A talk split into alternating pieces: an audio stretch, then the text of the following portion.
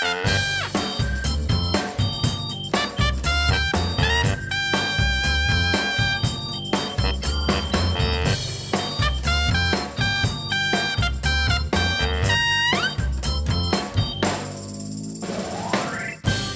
liefst zou ik zingend en huppelend van zielenvreugde deze CEP-podcast introduceren, maar het kabinet steekt er een stokje voor en dus beginnen we gewoon heel erg timide. Hoezo? We zitten toch niet in de kerk? We kunnen toch gewoon zingen? Ja! Zo, nou ben je besmet. ja, zo snel gaat dat, hè? Ja, even, want even, eh, Patrick, dachten we dat de psalmenpolitie op ons afkwam, hè? Ja. Dat gerucht ging Ja. eventjes door Christen Mooi woord, hè? Mooi woord. Ja, ja. Was het nou een woord van Hugo de Jonge zelf? Volgens mij heeft Van der Staaij het... eh, Van de bedacht. staai. Ja. Nou, daar gaan we het natuurlijk over hebben in deze CIP-podcast. want eh, het kabinet heeft zich dus hierover uitgelaten vorige week. Bij de persconferentie over de coronamaatregelen, maar ook Mhm. in het coronadebat. Ja. En we hebben ook een Pinkstervoorganger gesproken die eh, het er niet mee eens is. Die blijft gewoon lekker zingen, zegt hij met de gemeente. En dus daar gaan we het ook over hebben. Heel slim. Maar Patrick, we gaan het ook eh, hebben over heel wat andere thema's. Vandaag geen uitgebreide eh, nieuwsberichten, maar wat korte nieuwsjes. Omdat er gewoon wat weinig nieuws is in christelijk Nederland buiten corona om. Doen we dat op een andere manier deze keer. Prima. Dat komt later. Maar we beginnen natuurlijk eerst met onze vaste rubriek.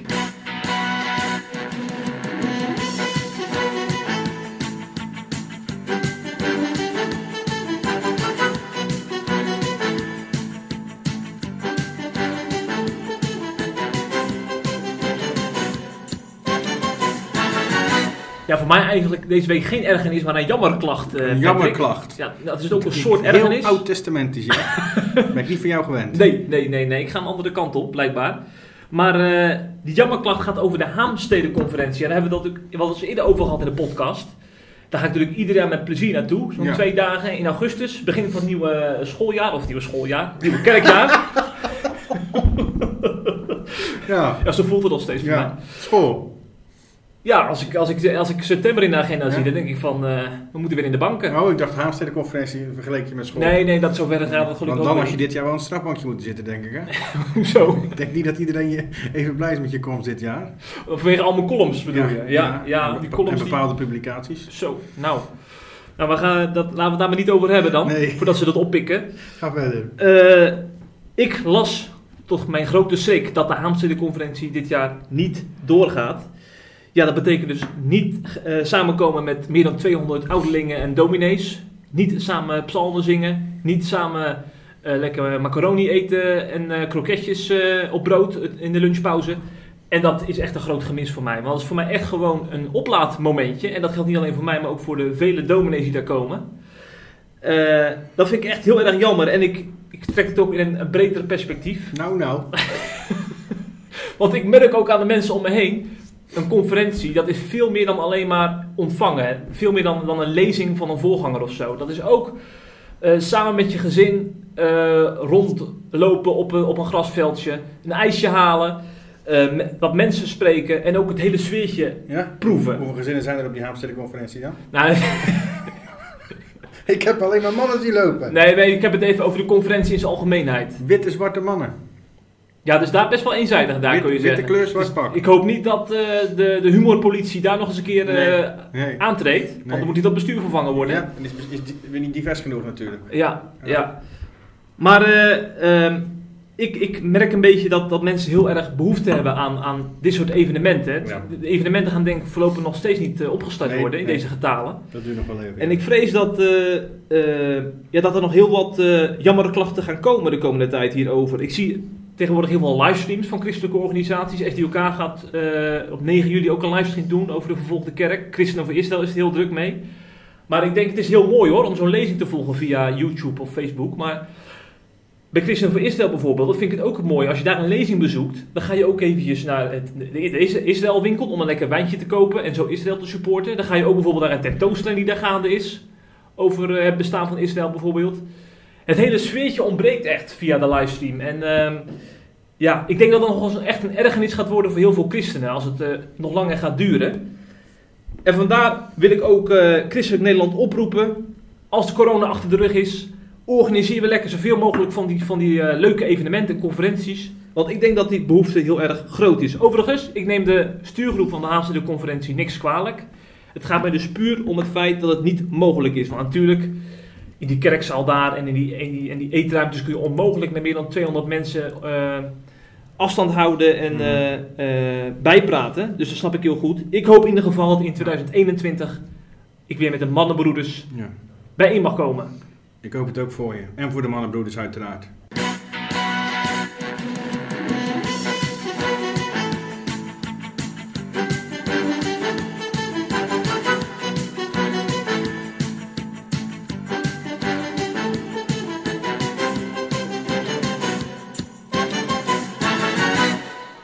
Heb jij ook een jammerklacht, eh, Patrick? Nou, ja, best wel eigenlijk. Of een jammerklacht. Een, een ergernis. Bij mij is het toch wel een ergernis, moet ik zeggen hoor.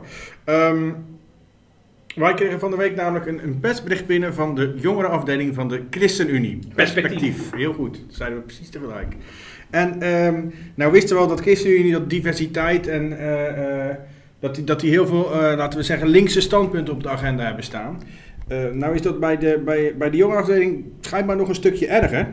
Ehm, dat zien we bijvoorbeeld aan, aan, aan de nieuwe samenstelling van het bestuur hè, van de jongerenafdeling. Die is heel divers. Wat ik overigens gewoon niet toejuich, hè, dat vind ik prima. Dat is niet mijn ergernis, even voor de duidelijkheid.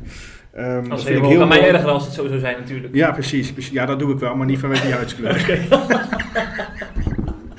Maar, maar ik vind het prima dat ze dat, dat, ze dat doen, hè? dat ze diversiteit belangrijk vinden.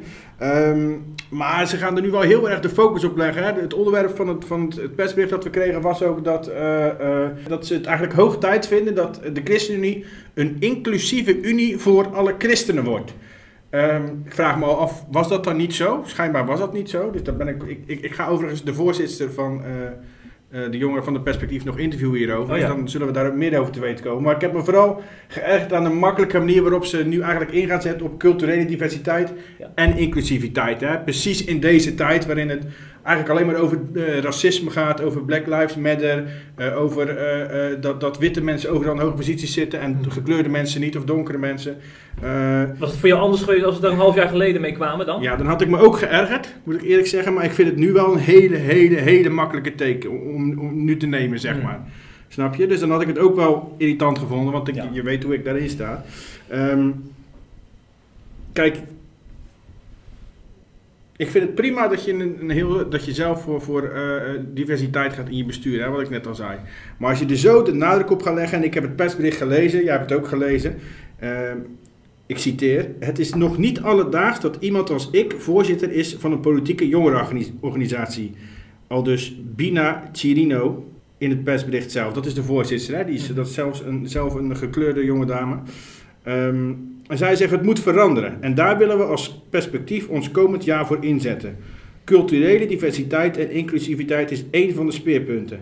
Ze kiezen elke dag op zo'n focusdag die ze hebben, elke dag, elk jaar, kiezen ze drie belangrijke speerpunten. En dit was eh, de, die werd verreweg het meest verkozen. Hè? Andere verkozen punten waren duurzaam reizen en innovatief wonen. Nou, Jeffrey, ik, ik, ik, dat ik net al zei, ik vind ten eerste heel toevallig dat ze hier nu meekomen. Dat, dat vind ik, wil ik even gezegd hebben. Ehm, dat is gewoon natuurlijk heel bewust. Weet je wat, we gaan er nu op inspelen. We proberen nu even te scoren, even in de aandacht te komen, even eh, te laten zien dat het voor ons heel belangrijk is.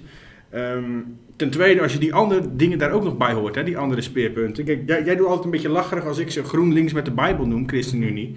Ehm, maar ja, als je naar deze drie speerpunten kijkt, dan is dat een prima kwalificatie, zou ik zeggen. Sterker nog, ik zou met de Bijbel weglaten, want ik lees in heel dit persbericht lees ik niks over God, niks over de Bijbel, niks over Jezus. Als jij als christelijke jongerenpartij ehm, met zo'n persbericht naar buiten komt, wat jouw belangrijkste speerpunten zijn, en er wordt helemaal niks gezegd over het geloof, over de Bijbel, over Jezus of over God, dan vraag ik me af wat, waarom je nog een christelijke partij bent en waarom je nog zegt christelijke politiek te bedrijven. Hoewel je die punten prima op grond van de Bijbel kan gronden, maar dan moet je dat zeggen. Maar dat wordt helemaal niet meer gezegd. Het, het wordt gewoon verzwegen, lijkt het wel. Daar heb ik me enorm aan geërgerd. Het lijkt steeds meer alsof CU opschuift, opschuift, opschuift. Tot er straks eh, niet meer GroenLinks met de Bijbel over is, maar alleen GroenLinks. Ja, maar je kan toch ook zeggen, van, eh, stel, dit is natuurlijk eh, gestuurd naar een christelijk eh, medium. Ja. Ik denk als de NOS perspectief zou interviewen, dat ze dan heus al zouden toelichten van dit is gebaseerd op, op die en die bijbeltekst, of op ons geloof in ieder geval. Dat, dat kunnen ze dan toch toelichten? Maar als jij naar een christelijk mening stuurt, dan stek je toch juist dingen in over de Bijbel en over God? Ja, misschien denken ze dat is zo vanzelfsprekend. Dat hoeft dan eventjes niet. Ja, Laten we dat nee, even nee, daar je? geloof ik niks Dat geloof jij niet? Ik geloof, denk je dat ze dat, zouden ze dat speciaal voor ons hebben opgesteld dan een persbericht? Nou, ik denk in ieder geval dat ze het allemaal naar christelijke media hebben gestuurd. Denk jij dat eh, de Volkskrant geïnteresseerd is in een persbericht van perspectief? Die weet niet eens wat het is. Daarom. Ja, nee, maar dan nog, dan nog serieus. Als wij een Vergelijk eens met als je een keer een persbericht van eh, SGP Jongeren krijgt, hè? Ja. Daar, daar kan je van zeggen waar je wil, daar kan je het mee eens zijn waar je wil. Maar daar wordt voortdurend over God en over Gods woord gesproken hoor. Dan kan ik je op een briefje geven. op een persbriefje. En dat is gewoon, dat, dat, dat is mijn ergernis. Dus Ja. niet het feit dat ze daar zo op inzetten, maar dat het meer en meer eh, alleen maar over politiek lijkt te gaan en niet meer over christelijke politiek. Ja. Dus alsof, alsof eh, het geloof in de Bijbel steeds meer naar de achtergrond verdwijnt. verdwijnt. Overigens heb ik dat vaker bij CU en dan ineens gebeurt er weer iets. Zie ik ineens Segers weer in de, eh, in de, in de pers of bij opeen zitten of voor de wind. En die gaat dan weer heel Ja. rijk getuigen, weet je wel. Dus het gaat een beetje op en neer. Ik heb een beetje een haat-liefde verhouding met CU, denk ik. Mhm. ja. En dan gaan we natuurlijk in de stembus kijken of de liefde of de haat uiteindelijk overwint bij jou. In de stembus zal CU bij mij nooit komen. Nee? Nee, Oké. nee. Zoals je weet ben ik eh, rechtsconservatief. Dus dat wordt eh, SGP of een niet-christelijke partij. Ja. ja. Ik heb wel, wel heel erg zin in de verkiezingen als ik het over dit soort eh, thema's heb met jou. Ik zou er uren over door kunnen praten nog. Ja, gaan we op andere momenten zeker doen. Absoluut. Als we nou toch in de politiek zitten, gaan we eventjes terug naar vorige week. Toen was er een coronadebat in de Kamer. En ook een persconferentie hè, over de, de coronaversoepelingen. Ja. Eh, daar viel ons iets op. Tenminste aan wat Mark Rutte zei over zingen in de kerk. Ja, ja, daar werd uitgebreid over gesproken. Er werden vragen over gesteld ook. Ehm, en het was best opvallend dat, dat eh, Rutte maakt eigenlijk in eerste instantie tijdens, tijdens de persconferentie, die was een dag voorafgaand aan het debat, hè, of eigenlijk is het andersom. Ehm, tijdens die persconferentie maakt hij eigenlijk in vrij duidelijke woorden bekend dat het niet de bedoeling is dat er gezongen wordt in de kerk. Want eh, vanaf aanstaande zondag mogen we natuurlijk weer met meer mensen bijeenkomen, wat heel fijn is. Maar hij maakte heel duidelijk, er mag niet gezongen worden. Ehm, maar dat maakte hij eigenlijk iets te duidelijk, waardoor er heel veel verwarring ontstond. Waardoor mensen eigenlijk gingen denken, er komt zelfs een officieel verbod op zingen, weet je wel. Ja. En dat zou natuurlijk behoorlijk kwalijk zijn, want ehm, nou ja, dat gaat tegen de grondwet in, uiteraard, vrijheid van godsdienst. En wie anders dan eh, onze vriend Kees van der Staaij van de SGP, was er eh, als de kippen bij een dag later tijdens het debat om daar duidelijkheid over te vragen. Moet er nog een fragmentje van horen of ga je het eh, vertellen? Ik zou zeggen, laat me horen. Ik zal niet gaan zingen, maar ik heb er wel een vraag over. Eh, kijk, het punt is, ik begrijp heel goed wat de minister-president zegt, dat er ook voorzichtigheid in nodig is. Maar waar ik moeite mee heb, is dat hij ook in hele stellige bewoordingen, eh, gisteren in vraag aan van persconferentie, daar uitspraken over doet, eh, die erop neerkomen dat het zo ongeveer verboden is. Eh, en dan denk ik, hé, hey, hoe kan het dat er niet eerst gewoon gekeken wordt welke mogelijkheden er zijn om risico's te beperken met de anderhalve meter, met bij klachten blijf je thuis, met goede ventilatie en ingetogen zingen. En dan hoor ik ook gewoon van het RIVM, ja, dat zou best kunnen. Dat denk ik, dan trekt, eh, dan, dan trekt de minister-president toch veel te vergaande conclusies en raakt hij ook daarmee godsdienstvrijheid om te zeggen van nee, maar dat gaan we even anders doen. Zo werkt dat toch niet? Nou ja, het is eigenlijk heel. Je, je hoort het, hè? Die komt direct, springt direct in de bres voor, eh, voor het zingen in de kerk en voor christenen. Vooral omdat hij duidelijkheid wil. Nou, eh, Rutte was eigenlijk. Die draaide een beetje om de hete brei heen en die nam zijn woorden ook niet echt terug. Dus het, daardoor werd het niet echt veel duidelijker. Maar vervolgens kwam Hugo de Jonge, minister Hugo de Jonge aan het woord. En die corrigeerde eigenlijk Rutte wel. En die stelde eh, eh, de terrier van de staai, wil ik hem graag noemen, want hij beet zich echt vast in dit onderwerp. Ehm, behoorlijk gerust en zei: het is, er komt absoluut geen verbod. Eh, we spreken liever van een dringend advies. En, ik citeer, dat is niet een advies wat je vervolgens in een verordening zet. En vervolgens de voorzitter van de Veiligheidsraad vraagt om het te handhaven. Want zo moeten we niet met de kerken omgaan, denk ik. Al dus minister De Jonge. Hij garandeert dan ook dat er geen verbod op samenzang zou komen. En hij belooft dat een, komt het woord weer, psalmenpolitie, dat dus, gaat dus over handhaven, achterwege blijft. Maar, wel dringend advies, doe het niet. Kijk, ja. En toen was Van der Staaij eh, tevreden?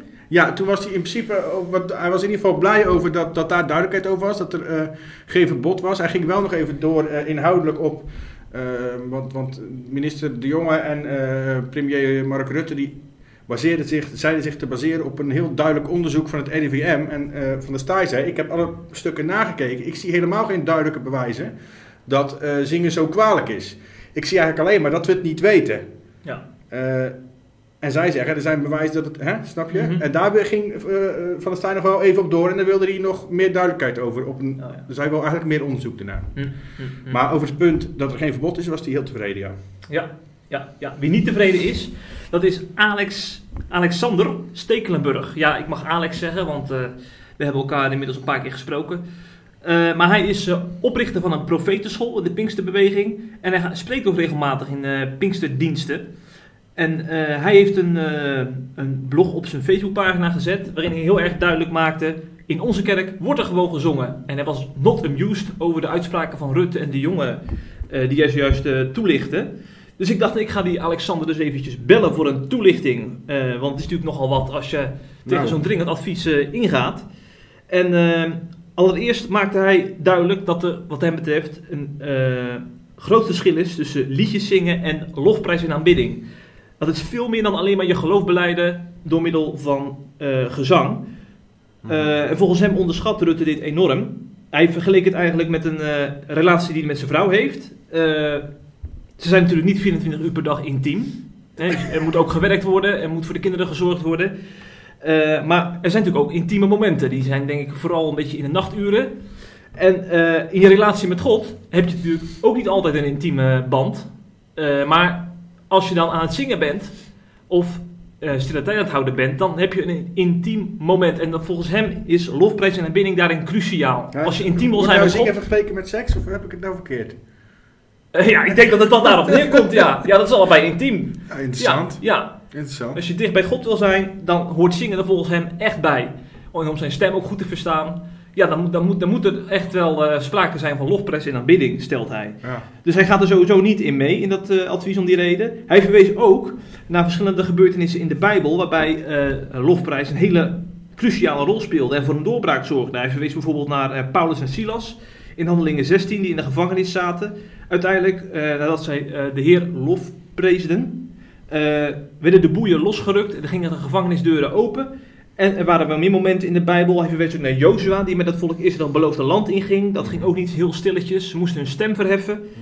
En ehm, volgens hem is er sprake van een geestelijk principe die God echt gebruikt om, eh, om ja, het evangelie eh, te laten klinken. En om eh, te laten zien dat Gods koninkrijk er ook op deze wereld wil zijn. En als je dan zwijgt, volgens Alexander, dan kun je onmogelijk dat geestelijke principe toepassen. En wie wint er dan? De tegenstander, zegt hij. Zo simpel is het volgens hem. ja. En volgens jou? Eh je vraagt nu naar mijn eh, opinie. Ja.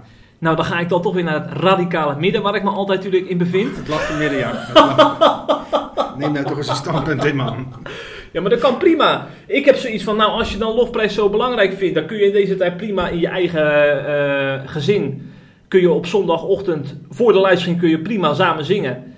Eh, ik denk dat het in deze tijd heel erg onverstandig is, als je kijkt ook naar de, naar de maatregelen die genomen worden vanuit de overheid, maar ook naar incidenten eerder dit jaar, dat je geen risico moet nemen. Zeker als je bijvoorbeeld eh, een verantwoordelijkheidspositie hebt in de, in de kerkenraad of zo. Dan wil je niet op je geweten hebben dat je dadelijk bij de NOS moet uitleggen hoe er 30, 40 mensen zijn besmet door een kerkdienst bij jou eh, en, en dan psalmengezang. Niet zingen in de kerk dus, zeg je. Ik, vind het, ik, ik zou dat inderdaad, als, zelf, ik, ik- als ik ouderling was, zou ik inderdaad niet willen zingen in mijn kerk. Die verantwoordelijkheid zou ik eh, echt willen nemen.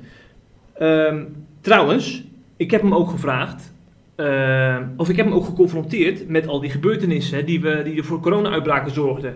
Ik heb bijvoorbeeld verwezen naar eh Heerde, dat was een, een christelijk mannenkoor. Volgens mij zijn er zes mensen uit het mannenkoor in, totaal- in totaal overleden. Ja. Meer dan 30 mensen besmet door corona. Ja. En dat hebben ze ook, als, als reden hebben ze ook het zingen, samen zingen opgevoerd. Omdat dan het virus veel eh, sneller verspreid wordt. Want eh, als je eh, zingt, dan blaas je natuurlijk veel meer lucht uit dan wanneer je gewoon aan het praten bent aan de koffietafel. Ja. En ook nog eens binnen. Want het is ook geen toeval dat bijvoorbeeld in allerlei après-ski tenten waar carnavalsmuziek werd gezongen, dat daar ook het virus heel snel is gegaan Ja. in Brabant Ja. en in, in eh, buitenland.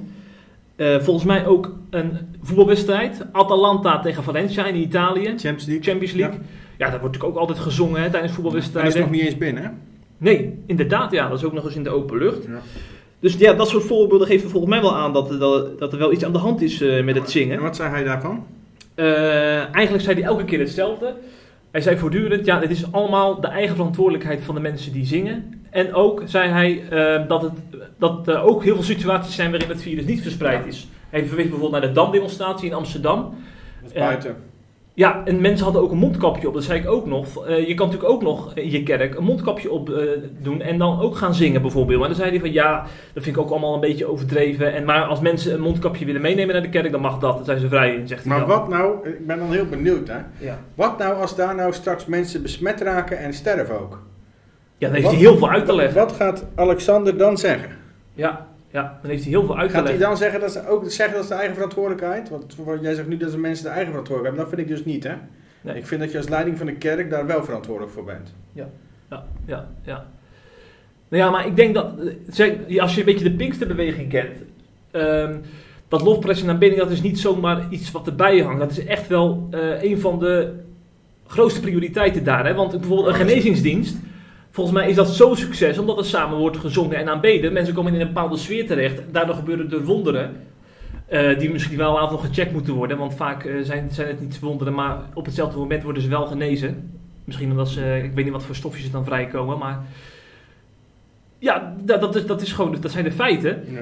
En als, als dat in, in zo'n beweging zo belangrijk is, aanbidding, dat, je, dat daar wonderen en tekenen plaatsvinden, dat je daar een Gods Koninkrijk gebouwd ziet worden, Dat mag Ja. ik. Dan is dat voor die mensen zo'n heilig principe. En eh, zeker als van Rutte ook nog zegt, we moeten beter, want dat zei hij ook in die persconferentie, hè, we zouden op een vaccin moeten wachten voordat je weer samen mag zingen. Dan denkt die man ook van, ja, dat kan nog wel anderhalf jaar duren. Ja. Ik ga, niet, eh, eh, ik ga daar niet in mee met mijn gemeente. Ik, ik wil eh, die, mijn koninkrijk, of Gods koninkrijk bouwen met hem. En daar heb ik echt die lofprijs voor nodig. Ja, vanuit die gedachte kan ik er wel in meekomen. Maar ik denk dat het echt puur door die achtergrond komt, die Pinksterbeweging. Ja. ja, nou, ik denk gewoon het gebrek aan gezond verstand eerlijk gezegd. nee, dat kan, dat kan wel samen gaan. Ja, ja nee. Want die man heeft natuurlijk ook allemaal naar die Ja, cijfers ja, gekeken. het prima, maar ik vind het gewoon heel dom. Die man heeft Nee. ook gezegd, er zijn 50.000 besmettingen in Nederland, 6.000 mensen overleden. De overgrote meerderheid had onderliggend lijden, is boven de 75 jaar. Heeft hij ook allemaal toegelicht. Mm. Dat zijn natuurlijk dat zijn hele andere cijfers dan, eh, eh, ja, dan bij de Spaanse griep bij- bijvoorbeeld. Dus in, in die zin snap ik, joh, dat is ook, hij is niet de enige. hè. Er zijn steeds meer christenen die zoiets hebben van, is het middel niet erger dan de kwaal geworden? En hij hoort daar ook bij, bij die groep. Ja, oké. Nou ja, zijn risico. Nou ja, en als er geen tweede golf komt, uiteindelijk heeft hij dan toch gelijk gehad, laten we eerlijk zijn. Ja, maar als die er wel komt, zijn ze dood. Dat is inderdaad eh, de keerzijde. We gaan zien. Ik heb liever ongelijk dan dat ik dood ben. Ja, ja. Ja, je zou denken als je nou allemaal mondkapjes als kerk inslaat. En, en, en een spatscherm of zo voor, de, voor het podium zet waar mensen, waar zeg maar het, het, het zangersteam achter mag zingen. Dan is er ook niks aan de hand in principe. Nee. Er kan er gewoon eh, wel muziek Ja. klinken. Ja. Nou, maar je weet Maar ook niet welke... voor- Hij neemt helemaal geen voorzorgsmaatregelen. Nee hoor, nee, hij zegt van eigen verantwoordelijkheid. Je kan thuis kun je de dienst ook meebeleven als je dat eh, te hoog risico vindt. En wij gaan gewoon eh, op oude voet verder. Wauw. We gaan kijken hoe dat. Misschien leuk inderdaad om over een half jaar, misschien na een tweede golf of zo, nog eens te bellen met Alexander. Ja, als die er Ja. nog is wel. Ja. Eh, jij hebt trouwens al eerder, Patrick, een column geschreven hierover, hè? Over zingen in de kerk. Ja, zoals gewoonlijk was ik de tijd weer ver vooruit. ik schreef daar denk ik twee maanden terug of zo al een column over. Ja, ja. Over het zingen inderdaad eh, in de kerk. Eh, want, want het is, kijk, waar ik hem wel gelijk in geef, Ja. waar ik het wel met hem eens ben, ehm, is dat zingen echt ongelooflijk belangrijk is. Dat is niet alleen in Pinksterkringen zo, dat is echt eh, eh, Ja. breed christelijk zo. Eh, Van, van reformatorische kerken naar Pinkster, naar evangelisch, naar katholiek, overal is het zingen ontzettend belangrijk. Ik heb echt ontzettend veel verschillende christenen horen zuchten dat ze eigenlijk Mhm. niet kunnen wachten tot ze weer uit volle borst met een psalm mee kunnen zingen of met heel de lichaam met een opwekkingslied, net hoe je jezelf fijn bij voelt. Ehm, en dat heb ik echt niet één of twee keer gehoord, maar echt tientallen malen van men. En zelfs als ik dan vroeg wat mis je nou het meest aan de kerk, dan kwamen echt de, verreweg de meeste uit bij het zingen en het aanbidden van God. Hè? Dus, dat, dus dan kan je eigenlijk zien hoe belangrijk ehm, het zingen eigenlijk is voor de kerk. Ehm, en in mijn column schreef ik ook over eh, Ralph Martin. Die schreef een boek, Worship in the Early Church. Gaat over de vroegere kerk. En dat zei hij, de christelijke kerk, vind ik een hele mooie uitspraak. De christelijke kerk is zingend geboren. Want juist in moeilijke tijden van ziekte, van pijn en verdriet, zien we in, eigenlijk in de hele kerkgeschiedenis, dat het zingen tot God eh, heel belangrijk was. Kijk maar naar verdrukte en vervol- onderdrukte en vervolgde christenen. Eh, je zag het soms letterlijk dat ze op de brandstapel stonden te zingen terwijl ze in de brand werden gestoken en zingend stierven, terwijl, ze, terwijl ze liederen tot God aan het zingen waren. Ehm, dus ja, eigenlijk is de, hij zegt de christelijke kerk is zingend geboren en, en ook dus zingend gestorven, letterlijk. Dus dan kan je eigenlijk zien hoe ontzettend belangrijk dat zingen is. En ik zei in die column eigenlijk ook, als we dan toch niet mogen zingen, joh, laat dat maar doen. Hm. Kijk, ik ben er niet voor om te gaan zingen in de kerk. Ehm, toen dacht ik daar nog wel iets anders over trouwens, maar inmiddels is, is er al veel meer gebleken Ja. dat het gevaarlijk is. Hè? Dus ik ben niet voor zingen in de kerk, maar ik vind wel dat een kerk die zonder zingen is eigenlijk maar een halve kerkdienst. Mm, mm, mm, Ja. Nou, ik heb het afgelopen zondag mocht ik met een huiskring eh, naar de kerk. Ja. Een, een andere huiskring, dus een, eh, minder dan 30 man. Mhm. En eh, toen, wij deden dat met een afspeellijst, dat je dan wat liedjes hoort en dat je dan, dan zie je dus mensen zingen en dan mag je ze zelf meeneurien of, of gewoon toekijken. Eén één, één eh, kerkganger deed nog zijn handen in de lucht om toch, toch te aanbidden in stilte. En, eh, en toen vond ik het ook zo kaal, man. Of je in een bioscoop zit, zit je te kijken hoe mensen aan het zingen zijn en zelf doe je niet mee. Je voelt je toch een beetje een toeschouwer inderdaad. Ja, in. ja. Het zingen hoort er echt wel bij, hoor. Precies, ja. Je mist het echt pas echt als je het niet meer kan, hè? Ja, ja, Ja. klopt. Goed, laten we daarom, ik stel voor dat we juist daarom nu even een mooi lied gaan luisteren. Ja, En laten wij in stilte heel hard meezingen. zeker. En als je thuis bent, dan mag je meezingen. Ja, heel hard ook.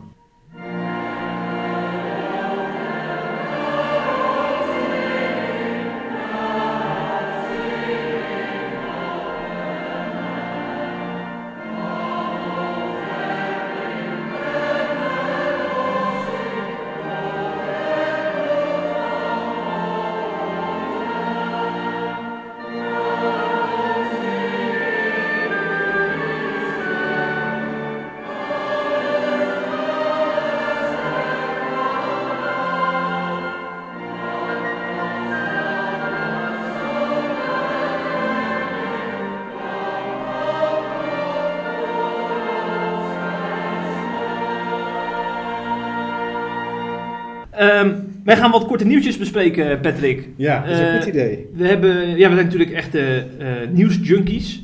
En dan is het toch mooi eh, als wij wat mogen selecteren en mogen filteren om eh, de belangrijkste, belangrijkste nieuwtjes door te geven op ons platform en ook in deze podcast. Ja, En wat mij betreft hoort daar ook bij een interview met Orlando Bottenblij in het Reformatorisch Dagblad. Nou, Afgelopen weekend was ik bij mijn schoonouders. Ze zijn eh, geabonneerd op het RD.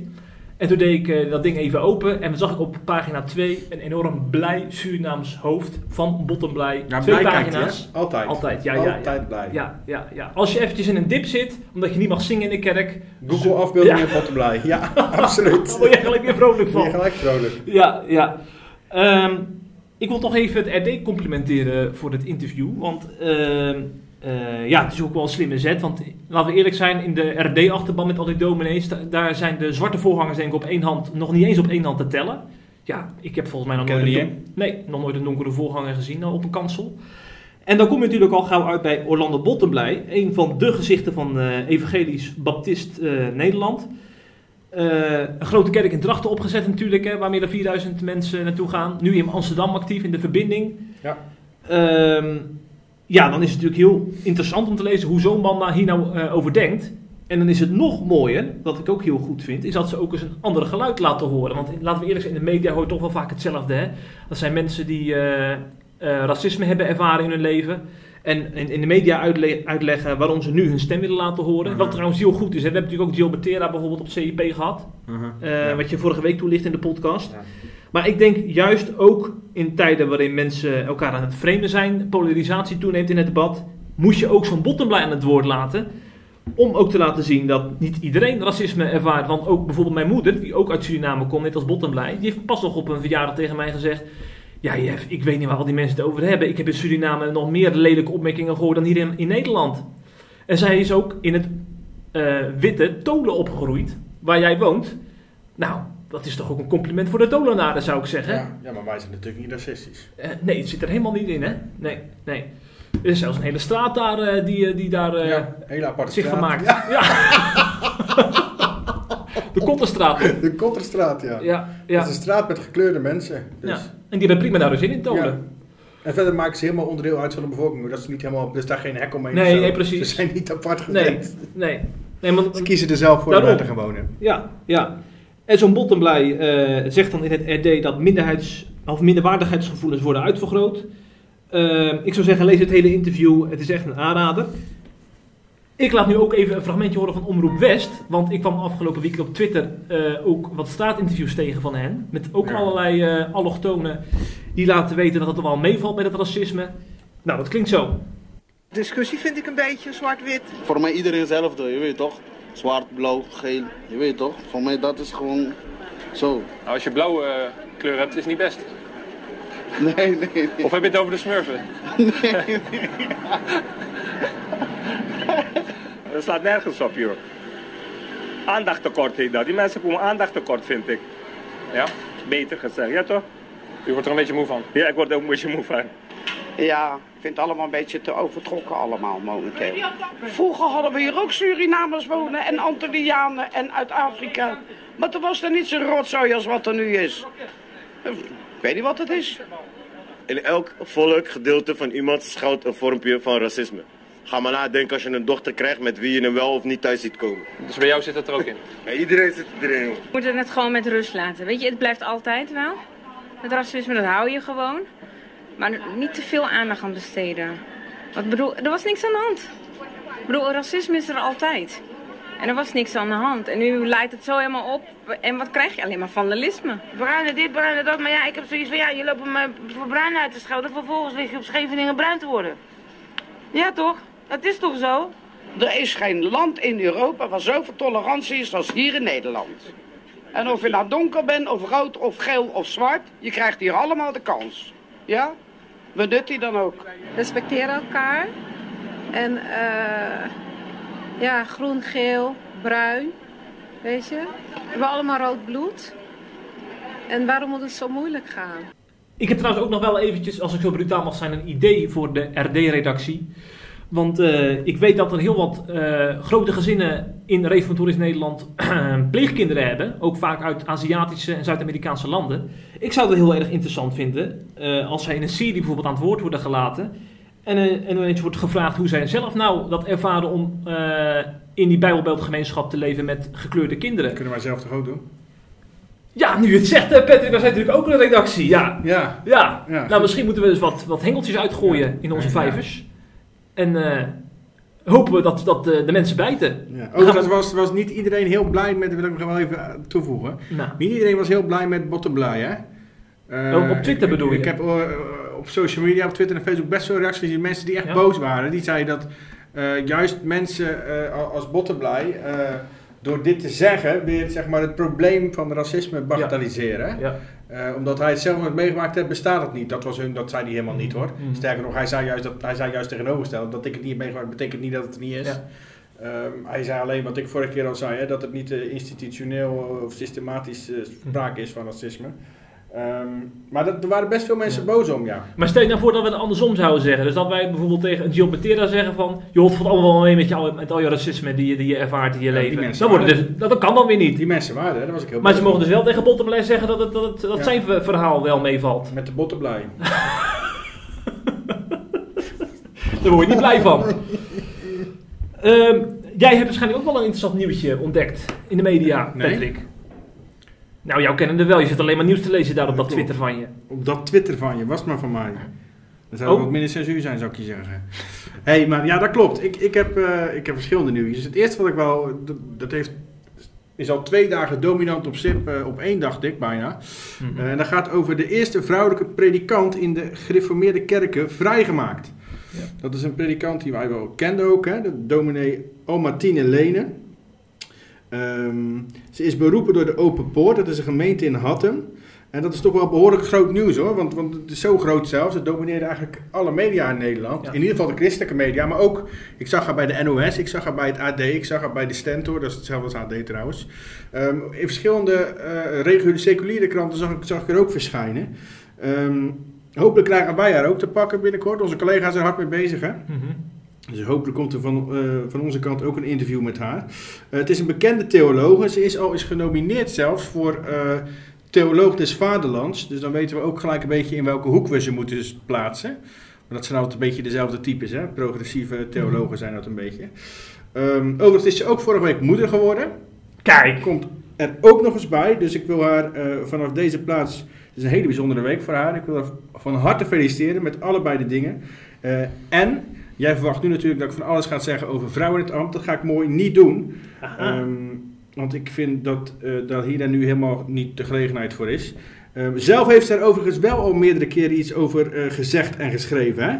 Ehm, in het NOS-artikel valt bijvoorbeeld te lezen dat ze toen de, de synode van de gereformeerde kerken vrijgemaakt, die hebben drie jaar geleden eh, al besloten dat de ambt open ging voor de vrouwen. En dat is trouwens best wel verwonderlijk dat dan nu pas de eerste vrouw beroepen wordt. Hè? Ja. Dus dat zou kunnen betekenen dat er toch nog heel veel plaatselijke gemeentes daar een beetje voorzichtig mee zijn. Ja, misschien, wil je ook niet de eerste zijn. Misschien Ja, is dat dat zou wel. ook kunnen, ja. Ja. Maar goed, dit- zij is dus de eerste, maar ze vertelde dus tegen NOS dat ze toen, toen ze dat hoorde, drie jaar geleden, dat het ambt openging voor de vrouw, dat ze echt letterlijk moest huilen van vreugde. Zo blij was ze, want eigenlijk wilde ze van jongs af aan niks anders dan preken eh, en daarmee kerkgangers inspireren. En eh, ze vindt het dan ook heel bijzonder dat zij uiteindelijk de eerste vrouw zal zijn die predikant wordt in die kerk. Eh, en ze zegt, dit is een erkenning van mijn roeping, want dat is hoe ik het ervaar. God heeft mij hiervoor geroepen.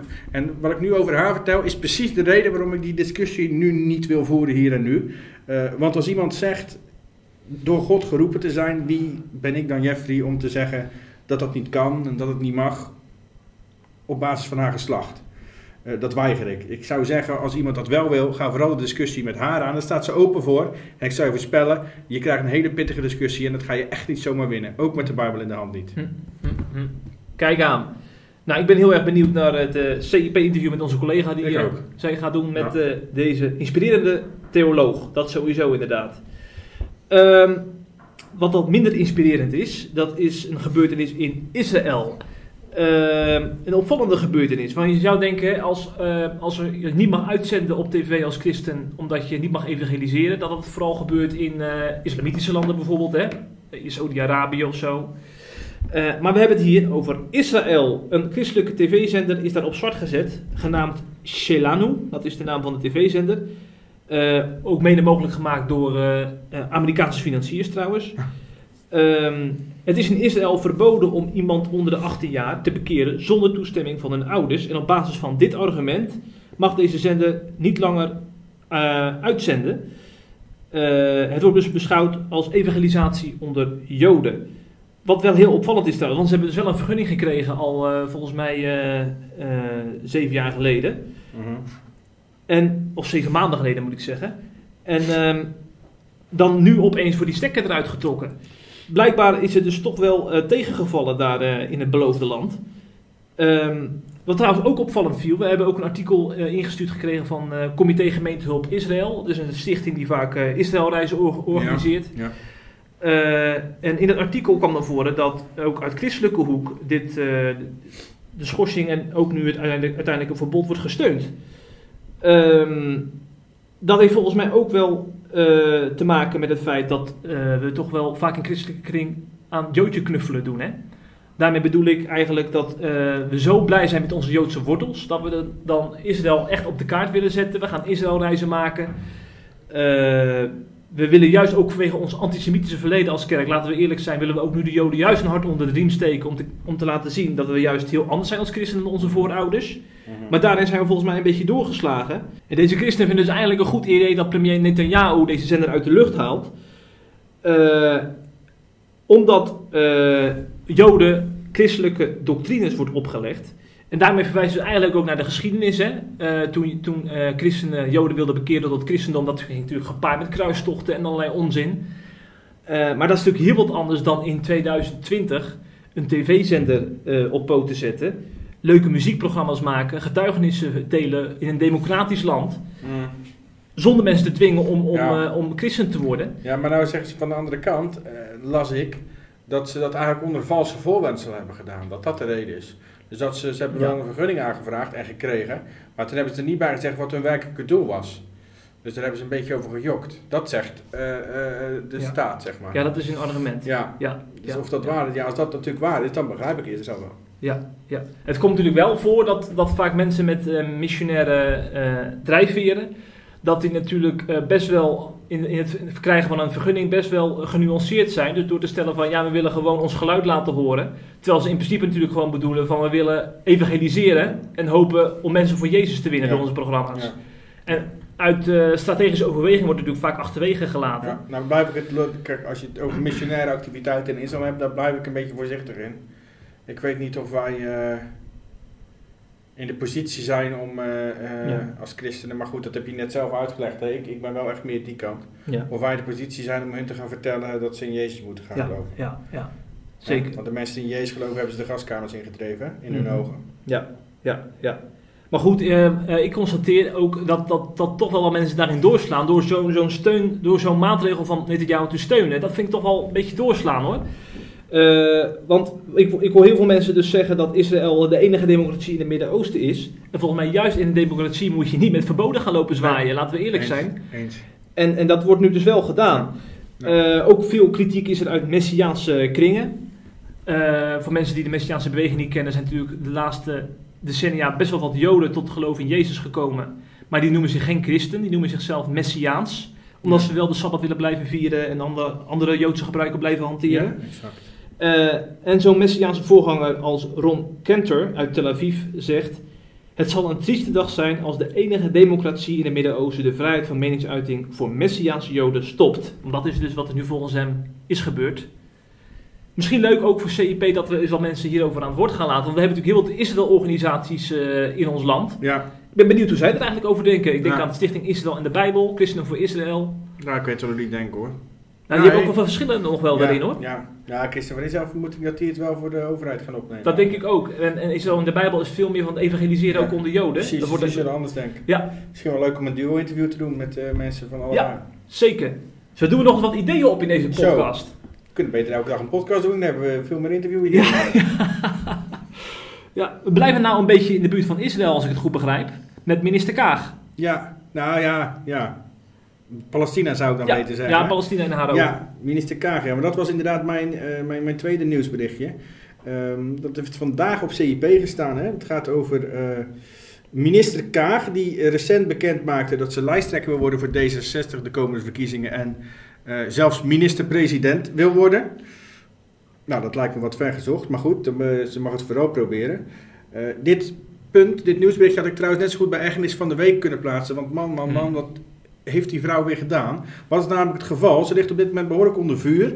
Omdat ze als Nederlandse minister voor Buitenlandse Handel en Ontwikkelingssamenwerking ehm 20 miljoen euro subsidie heeft gegeven aan een Palestijnse terreurorganisatie. Dat meldt TPO, een goed rechts medium.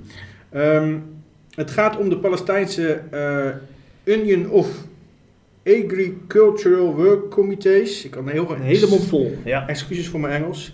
Ehm, en die organisatie onderhoudt banden met de terreurorganisatie Volksfront voor de Bevrijding van Palestina.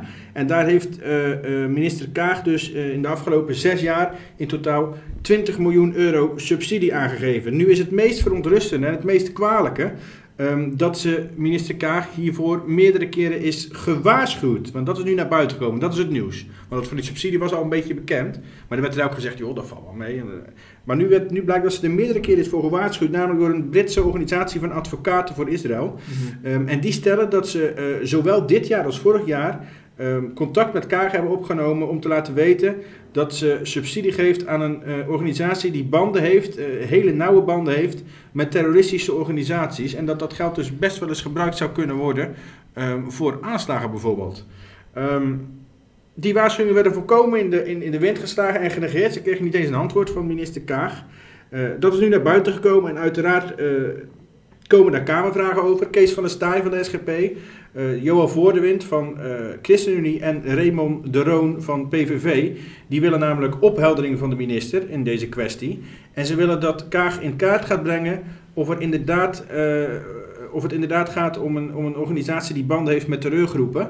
En eh, of er nog meer subsidie wordt gegeven aan dergelijke organisaties die die banden hebben met Ja. terreurgroepen. Hè? Want dan willen ze uiteraard dat dat zo snel mogelijk stop worden gezet. Dit is trouwens niet de eerste keer dat Kaag eh, in opspraak komt over een subsidie eh, aan Palestijnse organisatie die gelinkt worden op zijn minst aan terrorisme. Ehm, als je een beetje verzoekt kan je haar zelf, zelf daar nog aan linken. Want ze is namelijk getrouwd met een Palestijn en dat is Anis al-Kwak. En ook hij heeft op zijn zachts gezegd geen schoon verleden. Hij was bijvoorbeeld onderminister van planning bij de PLO. Die ken jij wel, de PLO neem ik aan. Jazeker. Ehm, En zijn baas, dat was Yasser Arafat, ook niet onbekend, die liet in de periode dat hij onderminister van Planning was, eh, de man van Kaag dus, hè, regelmatig terreuraanslagen plegen op Israël. Ehm, ja, en ja, wat denk jij dat de minister van Planning doet hè, dan? Ik denk niet dat hij thee- thee- theemiddagjes eh, regelt dan, of plant met Israël. Maar als er regelmatig terreuraanslagen worden gepleegd en je bent onderminister van Planning, ja dan... Ik zou zeggen 1 en 1 is 2. Ehm, overigens wordt hij in Nederland nooit zo voorgesteld, hè, die man. Eh, ik, ik heb het even, na, even gecheckt. Eh, ik zie hem meerdere keren in eh eh, mainstream media als Volkskrant, Trouw enzovoort voorkomen. En hij wordt voortdurend eh, ge, ge, ehm, voorgesteld als een vredesactivist. Maar dat doen ze bij alle Palestijnen bijna. Eh, ook al plegen ze aanslagen, het zijn vredesactivisten. Nou, die die anti-Israël houden, die kennen we inmiddels wel. Hè. Ehm, overigens, daar moet je natuurlijk niet Kaag helemaal op afrekenen, maar het zegt wel wat over hoe bevooroordeeld ze eigenlijk kan zijn, in mijn ogen tenminste. Ehm, ik las overigens ook ergens dat ze haar kinderen Palestijns noemt, eh, die ze met die man heeft. Eh, dus ja, ik denk dat we niet eens hoeven te vragen waar haar loyaliteit zou liggen. Dus God behoede dat die vrouw minister-president van dit land gaat worden.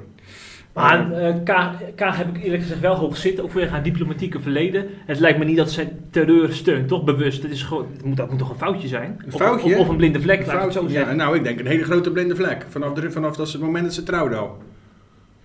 Ja, maar als je haar op de Ze man afvraagt... Luister, één, één, één. Ze is getrouwd met iemand die eh, heeft gewerkt voor de regering Ja. eh, van een terroristische beweging. want dat is PLO gewoon geweest. Ehm, die regelmatig aanslagen pleegde op Israël. Mhm. Daar was hij onderdeel van. Hij was minister, onderminister van Planning. Dat Ja. is één.